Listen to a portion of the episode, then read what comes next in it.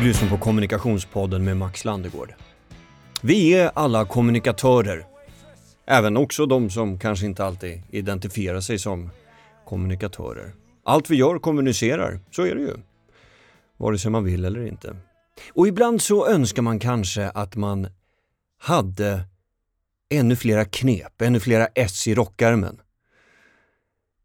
För att ta sig ur knipor, sådana där snabba comebacks eller Ja, ni kanske förstår. Alltså saker som får vardagen, både privat och professionellt, att löpa lite smidigare.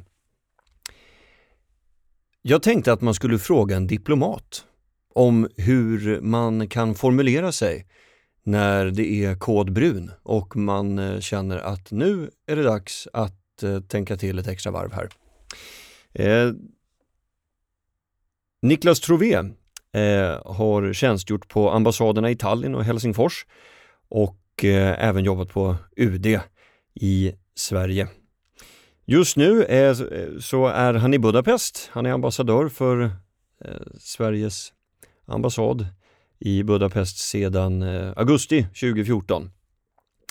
Han har också varit eh, särskilt sändebud för Afghanistan och Pakistan eh, och han har också varit ambassadör i Bagdad mellan åren 2006 till 2010.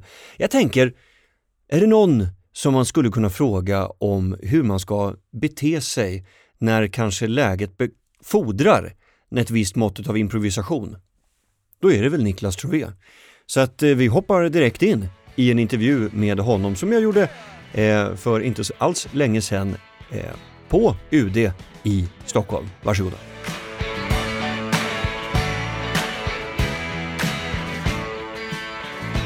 I det här avsnittet så kommer vi behandla ämnet när det skiter sig och hur kommunikation ska komma till undsättning. När sket det sig för dig senast och hur löste du problemet? Ja... Ursäkta franskan. Alltså jag, eh, jag kan inte direkt eh, komma ihåg en situation där jag känner att, att, att det har blivit sådär totalt fel. Um, jag vet inte om jag är för, kanske för, eh, för snäll mot mig själv här nu. Och, och, men, men vi försöker ofta liksom genom att ha ett väldigt avspänt förhållande till den vi möter. Så försöker vi liksom att att, att avväpna sådana stämningar om de finns där. Va? Så att eh, det skiter sig inte så ofta, tycker jag, på det sättet. Sen kan det ibland vara så naturligtvis, och det, det har vi exempel på eh, ganska ofta, att, att just i kommunikationen, att vi inte tycker samma sak som, som den som vi kommunicerar med. Eh, och då, då hamnar man i en situation, och det kan vara eh, i vardagen, men det kan också vara på sociala medier, ehm, det kan vara att man får eh, brev eller, eller mail till ambassaden där folk inte håller med.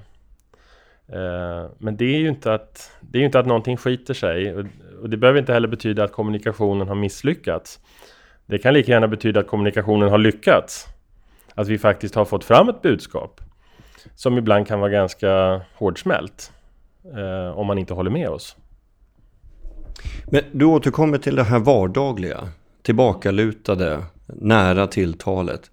Eh, är det signifikant just för svensk diplomati? När den, kan man se en distinktion där jämfört med andra länders eh, diplomater? Ja, jag tror att, att man kan säga att det är ett svenskt signum, eh, en modern diplomati. Det betyder inte att vi har monopol på det. Det är många andra länder också som, som har samma approach. Men det är också väldigt individuellt. Det är inte så att alla har samma eh, förhållningssätt. Utan jag tror att det handlar om vad man har med sig för, för erfarenhet, för bakgrund och vad man har för personlighet. Och givetvis också vad man har för uppdrag. Jag kan nämna ett av mina svårare uppdrag var ju de åren då jag var ambassadör i Irak. Det var 2006 eh, till 2010 tror jag. Mm. Och eh, under de åren så var ju säkerhetssituationen precis som den är eh, alltjämt idag tyvärr eh, mycket besvärlig. Och det innebar ju att vi var tvungna att ha stor, stort säkerhetsskydd och, och skottsäkra västar och hjälmar och så vidare. Men, men där och då, när jag visste att jag skulle bo och upprätta ambassad i, i den miljön, som var väldigt farlig och där andra, alla åkte omkring med militära fordon och, och vapen och, och, så vidare. Så valde vi ändå, eller jag valde i, i olika situationer att, att göra vissa avsteg för att långsiktigt investera i kommunikation kan man säga. Ett exempel var att jag ibland eh, bad kolonnen att stanna när jag såg barn som spelar fotboll i närheten av ambassaden. Och så gick jag ut, spela fotboll med dem i fem minuter och sen fortsatte. Bara för att visa att vi är inte farliga. Vi är era vänner. Vi bor här eh, intill. Vi kanske inte syns så ofta och vi ser konstiga ut men vi, vi är här och vi är era kompisar. Ett annat exempel var grannen till ambassaden som vi skulle upprätta som Eh, som naturligtvis fick leva med en hel del stök och, och, och, bråk när vi kom på plats och skulle bygga och så vidare. Så att då gick jag dit, eh, drack te med, med grannen och, och, hans familj. Och efter det så, så, så kände vi varandra och, och vi hade en, en, bra grannförhållande. Så det för mig är kanske en viktigare kommunikation än det som, som sägs i, i högtidliga anföranden och, och texter. Hur mycket ska man ta, alltså i, I rollen som diplomat då, får man en allmänmänsklig hänsyn som man kan ta som liksom spänner över ett kulturellt raster? Förstår du vad jag menar? Att, så här, att hoppa ut ur ett militärfordon eller vad det nu kan ha varit, i alla fall från ett fordon i en militärkolonn. Eh, rusa fram till några ungar iförd kostym och börja latcha boll med dem, det kan ju också missuppfattas. Hur, hur gör man ett sånt avvägande? Ja, jag tror just att det här, eh, som du säger, allmänmänskliga är just svaret. Det, det, är inte vi och dem och det är inte så att vi är kristna och de är muslimer eller vi är svenskar och de är irakier eller vad de nu är. Eh, det handlar inte om det. Det handlar om att möta människor på ett respektfullt sätt. Och det, det är det som jag menar är, är kommunikationens kärna. Att man, man försöker, man öppnar upp sig helt enkelt. Man visar att jag jag är intresserad av dig, jag, är, jag respekterar dig, um, vi är vänner. Ehm, och då, då, spelar det inte så stor roll alltid vad man, vad man har på sig. Men ibland, om man, just eh, ett annat exempel som, som jag kommer på nu när du säger det. Tidigt i min karriär så, så, så jobbade jag i Estland. Och vi skulle till ett barnhem en gång och jag märkte att hela den här delegationen som kom intrampande på det där barnhemmet var klädd just så i, i kostym och slips och uppfattades naturligtvis lite grann som främmande fåglar när vi kom in till de här föräldralösa barnen som det handlade om. Och då minns jag att jag valde mig att sätta mig på golvet i kostymen trots att det var dammigt och smutsigt. Och eh, så tog jag tag i min slips och eh, bad en av barnen att klippa av den. För vi skulle inviga den här skolan, det var det som var poängen. Och istället för att klippa av ett band så klippte, fick då barnen klippa av min slips. Och, och det här öppnade ju hela, eh, hela tillställningen. Alla började skratta eh, och, eh, och sen var allting väldigt trevligt. Va? Så det... det kan ju inte finnas något barn som inte tycker om att, att ta slips från en vuxen och klippa av den. Nej, men jag minns fortfarande den här, det var en pojke och en flicka kommer jag ihåg som skulle få klippa. Och de var mycket, mycket tveksamma först för de tittade på mig och tänkte att nu om, om jag klipper av den här slipsen så kommer något hemskt att hända. Men jag, jag stod på mig där ett par gånger och sa men klipp nu, det är inget farligt. Och, och sen så blev det då väldigt roligt. Och så skrev tidningarna dessutom om det här, men det var inte mitt syfte utan Men det var ett, ett bra bisyfte att, att, tidningarna kunde skriva sen att, att vi var där och att det här var en rolig, eh, rolig sak som hände då. Och den där typen av initiativ kan ju inte stå i några formella instruktioner när man tillträder ett sånt här ämbete. Och då tänker jag så här, vad krävs för typ av kultur och uppbackning för att du ska kunna ha den här tryggheten att bara, nej fan, nu kör vi. Jag sätter mig i skräddarställning på golvet, drar om med slipsen och får klippa den, eller de andra exemplen som du drar upp. Alltså vad, vad, vad, vad behövs för förutsättningar för att du ska kunna känna den tryggheten, tror du?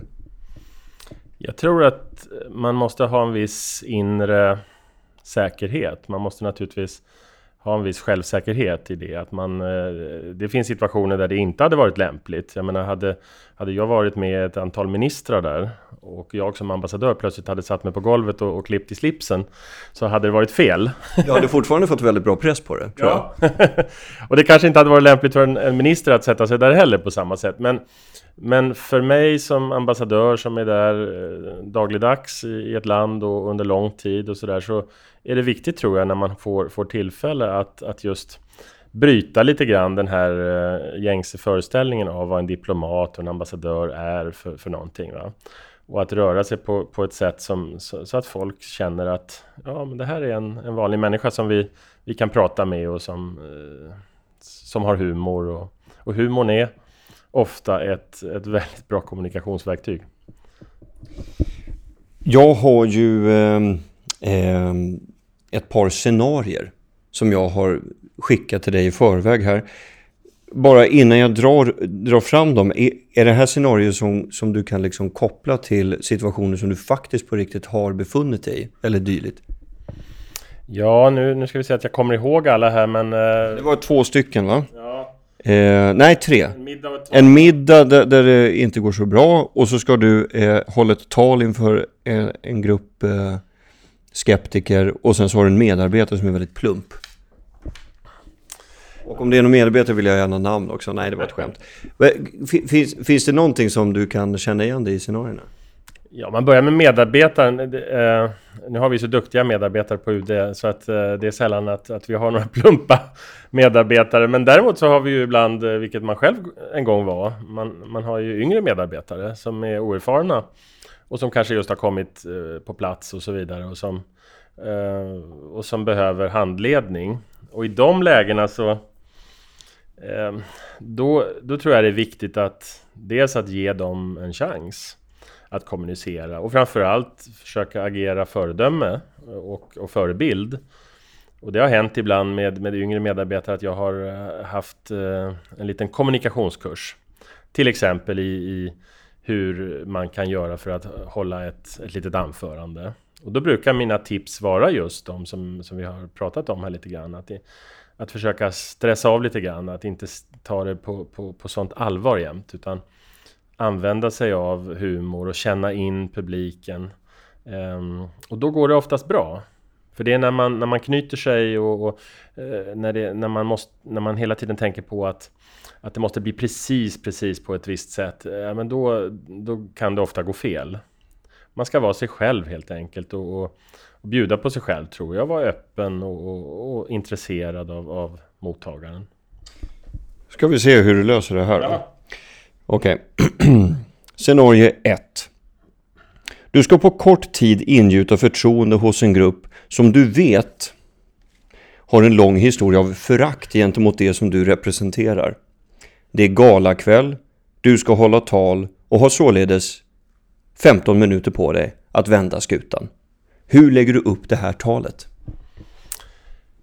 För det första så tror jag att det är viktigt att att förstå då, som jag sa, publiken. Om, om jag har den här kännedomen om att den här publiken som jag nu möter eh, de är sannolikt inte särskilt eh, positivt inställda till, till mig eller till Sverige eller vad jag nu ska tala om.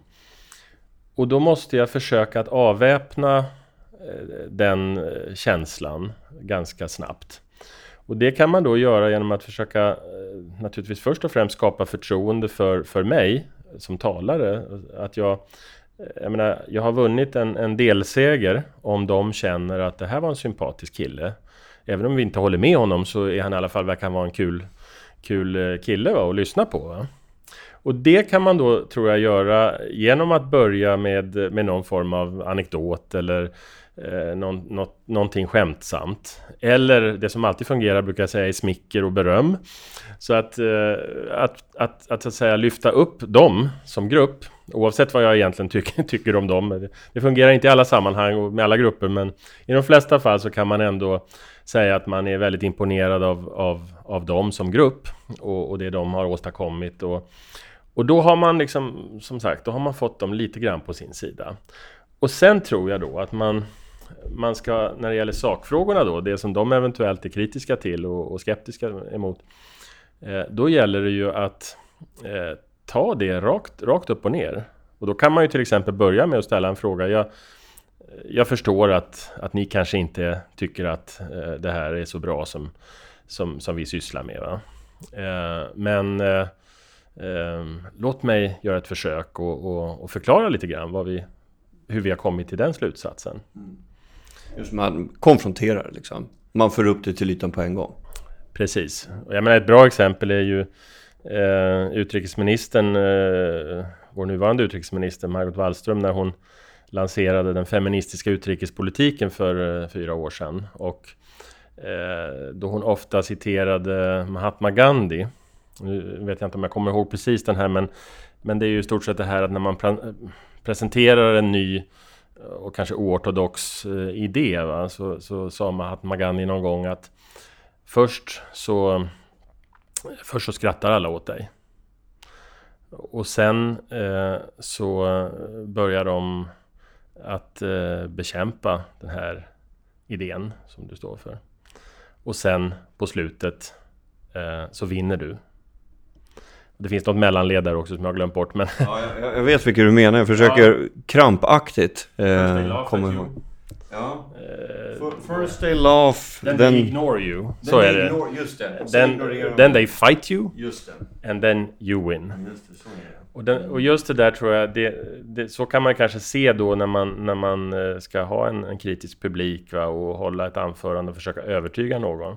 Ja, men då är det ju precis så att först möts man av den där totala skepsisen och de kanske skrattar bort den och tycker att man är naiv eller, eller någonting sånt. Va? Men som vi brukar säga då om den här feministiska utrikespolitiken nu när vi har anledning att, att se tillbaka de här åren så har det varit precis så. Att eh, först så skrattar man eh, och kanske viftade bort oss och tyckte vi var löjliga. Eh, och idag så känner vi ju att allt fler följer det exemplet och att det faktiskt fungerar. Och att vi har haft stor nytta av det.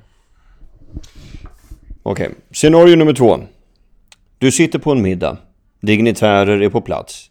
Inbjudan har hävdat att sammanhanget ska vara avslappnat och personligt, men det drar istället mer åt ett vanligt möte, förlagt på kvällstid med stora mängder alkohol inblandat. Du behöver sitta kvar, markera närvaro. Plötsligt börjar en av middagsgästerna misskreditera det som du gör och far med osanningar. Du hoppas att personen ska falla på eget grepp, men middagsgästerna börjar istället ge honom medhåll och rikta blickarna mot dig. Hur räddar du upp situationen? Ja, just de här middagssammanhangen och särskilt om det är alkohol inblandat och, och folk börjar bli lite eh, kanske ibland lite aggressiva och, och, så vidare eller, eller lite för överförfriskade. Det händer eh, ibland. Och då tror jag man ska vara i allmänhet också väldigt försiktig och ge sig in i, i, i någon större debatt. För det är kanske inte det forumet man, man, man, man har bästa förutsättningarna att komma ut på ett bra sätt. Utan där, där tror jag nog oftast man får, eh, man ska välja, välja tid och plats om man kan själv.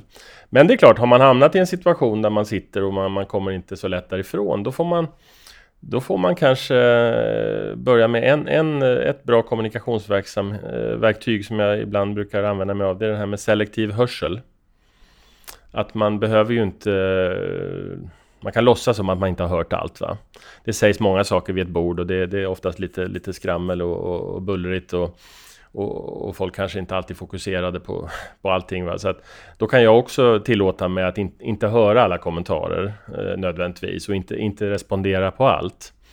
Men om jag, om jag ändå sen ska säga någonting så kanske jag kan vänta lite grann och sen vid ett tillfälle när jag känner, till exempel om jag ska få hålla ett litet tal eller någonting, tacktal eller vad det nu kan vara.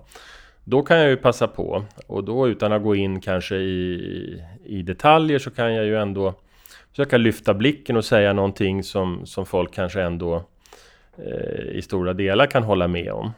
Eh, eller, eller rikta en liten, liten udd av, av kritik för att få, in, få fram mitt budskap. Men tydligt säga att det här är, det här är vad jag tror på mm. och vad vi står för. Sen förstår jag mycket väl om ni har om ni har andra uppfattningar här och det respekterar jag. Men vi står för det här. Ja, det, det förefaller mig som att Niklas Trovés eh, lilla S i rockarmen, det är udd med humor. Eller? Ja. Skulle man kunna säga det? Ja, nej, men jag tror att du, du hamnar nog ganska rätt där. Att, eh, sen, sen eh, är det klart, det finns situationer då humor, eh, humor inte fungerar. Men, men, eh, men det fungerar oftast att, eh, att lyfta blicken och kanske sätta in saker i sitt sammanhang. Att, eh, att inte gå, gå i polemik för mycket eh, utan istället koncentrera sig på att framföra ditt eget budskap, det som du vill ha fram. Och sen om folk är skeptiska, jag menar då, då kan man se det som en utmaning till dialog då. Och så kan man kanske få ett antal frågor. Och man kan också framförallt använda sig av frågans form tillbaka. Att ställa eh, kanske lite pointed questions eh, tillbaka till, eh, till de som då är... För det är alltid lätt att kritisera någon. Det är alltid lätt att komma med eh, insinuationer och, och, och, och, svåra frågor och, och, påhopp och så vidare om, om man vill det. Men eh, den personen blir ofta lite mera eh, spak om man, om man kastar tillbaka en, en, en ganska spetsig fråga. Får, man får inte sänka sig till om, om, det, om man märker att klimatet, som du säger, på en sån här middag blir lite väl eh, lågt så ska man inte sänka sig till den nivån. Utan snarare gå upp en trappa och försöka kanske se det lite mer från ett övergripande perspektiv mm. tror jag. Ja, men selektiv hörsel tyckte jag var väldigt bra. Det är ju, får man att tänka på en liten seriestripp. Eh, ett par håller på att gnabbas. Eh, det är bara en ruta så här. Och så säger den ena You don't listen to me anymore. You only hear the things that you wanna hear. Och den andra säger Sure, I'll have a beer. Liksom. det är där du är. Eh, det är jättebra. Eh, Okej, okay, scenario nummer tre då. En medarbetare är plump i sina formuleringar när hen blir nervös. Och hen är ofta nervös i samband med nya möten, något som du har mycket ofta. Hur gör du? Ja, först och främst så måste man ju hantera den situation som, som har uppstått. Och är man då närvarande, vilket man kanske ofta är, då, då får man kanske eh, gå in lite, lite diskret och lite snyggt och, och stödja upp den här medarbetaren. Eh, så att eh, man förklarar eller man, man lite skämtsamt säger någonting eller, eller, eller lyfter medarbetaren lite och, säger, och säger att eh, vad, han, vad han just eller vad han eller hon just sa jag håller med, men möjligtvis med med, med den korrigeringen att jag skulle nog kanske säga så här snarare än, än, än på det sättet. Så att få liksom hela sammanhanget. Va? Så att man liksom hjälper den här så att inte budskapet landar fel. Va? Jag liksom går in och förklarar, eller för, för, inte försvarar kanske, men förklarar och utvidgar. Alltså att du adderar lite och inte liksom helt och hållet eh, vänder medarbetaren ryggen i situationen. Precis, det är viktigt så att man inte där och då eh, gör eh, så att den här medarbetaren förlorar ansiktet. Men sen eh, på kammaren, dagen efter kanske, så kan man ju ha en, en, diskussion med den här medarbetaren då och säga du, kan vi inte prata lite grann om den här, det här som du sa igår eller hur du uppfattar den situationen och i det läget kan man väl då framföra ganska tydliga riktlinjer eller eller råd till eh, rekommendationer till den här medarbetaren. Har du tänkt på att du, om du säger så så riskerar de att uppfatta det eh, på felaktigt sätt? Och det kanske är bättre om du liksom ligger lite lågt där och istället lyfter fram det här. Va? Så att, eh, men, men ändå ge uppmuntran och säga men fortsätt gärna liksom med det här. Du ska, vara, du ska, du ska liksom ta för dig och, och så men, men, men tänk på det här liksom att eh, så, så det, det är en coaching det handlar om tror jag. Och alla är inte kommunikatörer, eh, föd, födda som kommunikatörer. Det, det, var, det var, inte jag heller kan jag, kan jag, säga från början. Och vissa är blyga, andra är, är, blir väldigt stressade och nervösa. Det blir vi kanske alla någon gång. Eh, så mycket är ju en fråga om träning som allt annat och erfarenhet. Och sen när man har nått så långt så att man blir ambassadör, då är man i regel ganska bra på att prata. Ibland som du märker så, så pratar man eh, så mycket så att eh, lyssnaren eh, till och med somnar. Men... Det går så bra Niklas. Hade vi haft rullband hade det blivit dyrt. Men nu är det ju SD-kort så att det går bra. Du, eh, vilka ledord anser du kommunikatörer kan låta sig inspireras av från en, en diplomat? Fin, finns det några sådana där eh, knep? Du som ändå har gått det här diplomatprogrammet, du har befunnit dig i många olika länder och stött på, kan jag tänka, både utmaningar och medgångar som har liksom gett dig insikter som är väldigt värdefulla tänker jag. Som en kommunikatör kanske kan vara eh, hjälpt av att bära med sig? Det första som kommer eh, upp i, mitt, i, mitt, eh, i min tanke här Det är ju just det här med att vara tydlig. Och där är det många som kanske tror att en diplomat eh, ska vara försiktig och, och, inte säga så mycket och, och kanske vara eh, tyst diplomati var sådana där ord som, som figurerade för ett antal år sedan och, mm. och, så. Men, men jag tror snarare på att man ska vara tydlig. Eh, och man ska vara saklig naturligtvis alltid. Eh, men sen som jag har varit inne på så tror jag också att eh, man måste hela tiden tänka på att eh, kommunikation handlar om tvåvägs en, en, en tvåvägsverksamhet. Så att eh, man måste känna in eh, inkännandet av vilket sammanhang eh, man befinner sig i. Vad är min målgrupp? Vad är det jag vill åstadkomma? Och har man inte funderat lite på det, va, då, då hamnar man ofta, ofta snett. Sen som jag sa, humor är, är väl en bra eh, sånt där verktyg man kan, man kan ta till. Med viss försiktighet ibland, det går inte alltid hem. Humor är olika i olika länder. Ironi funkar i vissa länder men inte i andra. Vissa åldersgrupper också. Och vissa åldersgrupper. Och inte andra. Och sen det här som, det har jag också kanske varit inne på ibland, att göra det ibland som är lite okonventionellt, oväntat. Eh, och, och, och det, gör, det gör jag ofta för att få, för att skilja ut mig lite från mängden och kanske få uppmärksamheten som eh, om jag talar i en rad av, av tio olika diplomater. Det händer ju ibland att vi är på delegationsresa med tio andra länder. Eller man sitter vid en konferens och alla säger ungefär samma sak. Va? Med förberedda anföranden och så vidare. Men då kanske det är bättre att man eh, lägger det där pappret åt sidan och så säger man att ja, men nu har jag lyssnat på er här. Och vad du sa där borta, det var precis vad jag tycker. Men jag har eh, ett par punkter till. Och så kanske man säger det som, som är lite oväntat. Inte alltid säga det som förväntas av en svensk diplomat. Eh, för det vet de oftast, var vi står. Utan kanske gå in på en annan vinkling av, av det och utveckla en, en tankegång lite mer. Va? Så att eh, göra det oväntiga, oväntade tror jag är, är viktigt. Och sen kanske avslutande att, att ehm, eh, verkligen känna och förmedla den känslan av att de man talar med är, är viktiga. För ibland så får man intrycket att, ja, att man bara pratar inför, inför någon för att man, man har blivit tillsagd att man ska det eller att man, man har ett tal som man ska liksom riva av på något sätt. Man ser det ganska ofta i internationella sammanhang. Eh, det handlar om ett engagemang som måste finnas där och förmedla känslan av att jag säger det här för att det, det som jag har att säga det som jag har att säga är viktigt och ni är viktiga, ni som sitter här i den här salen.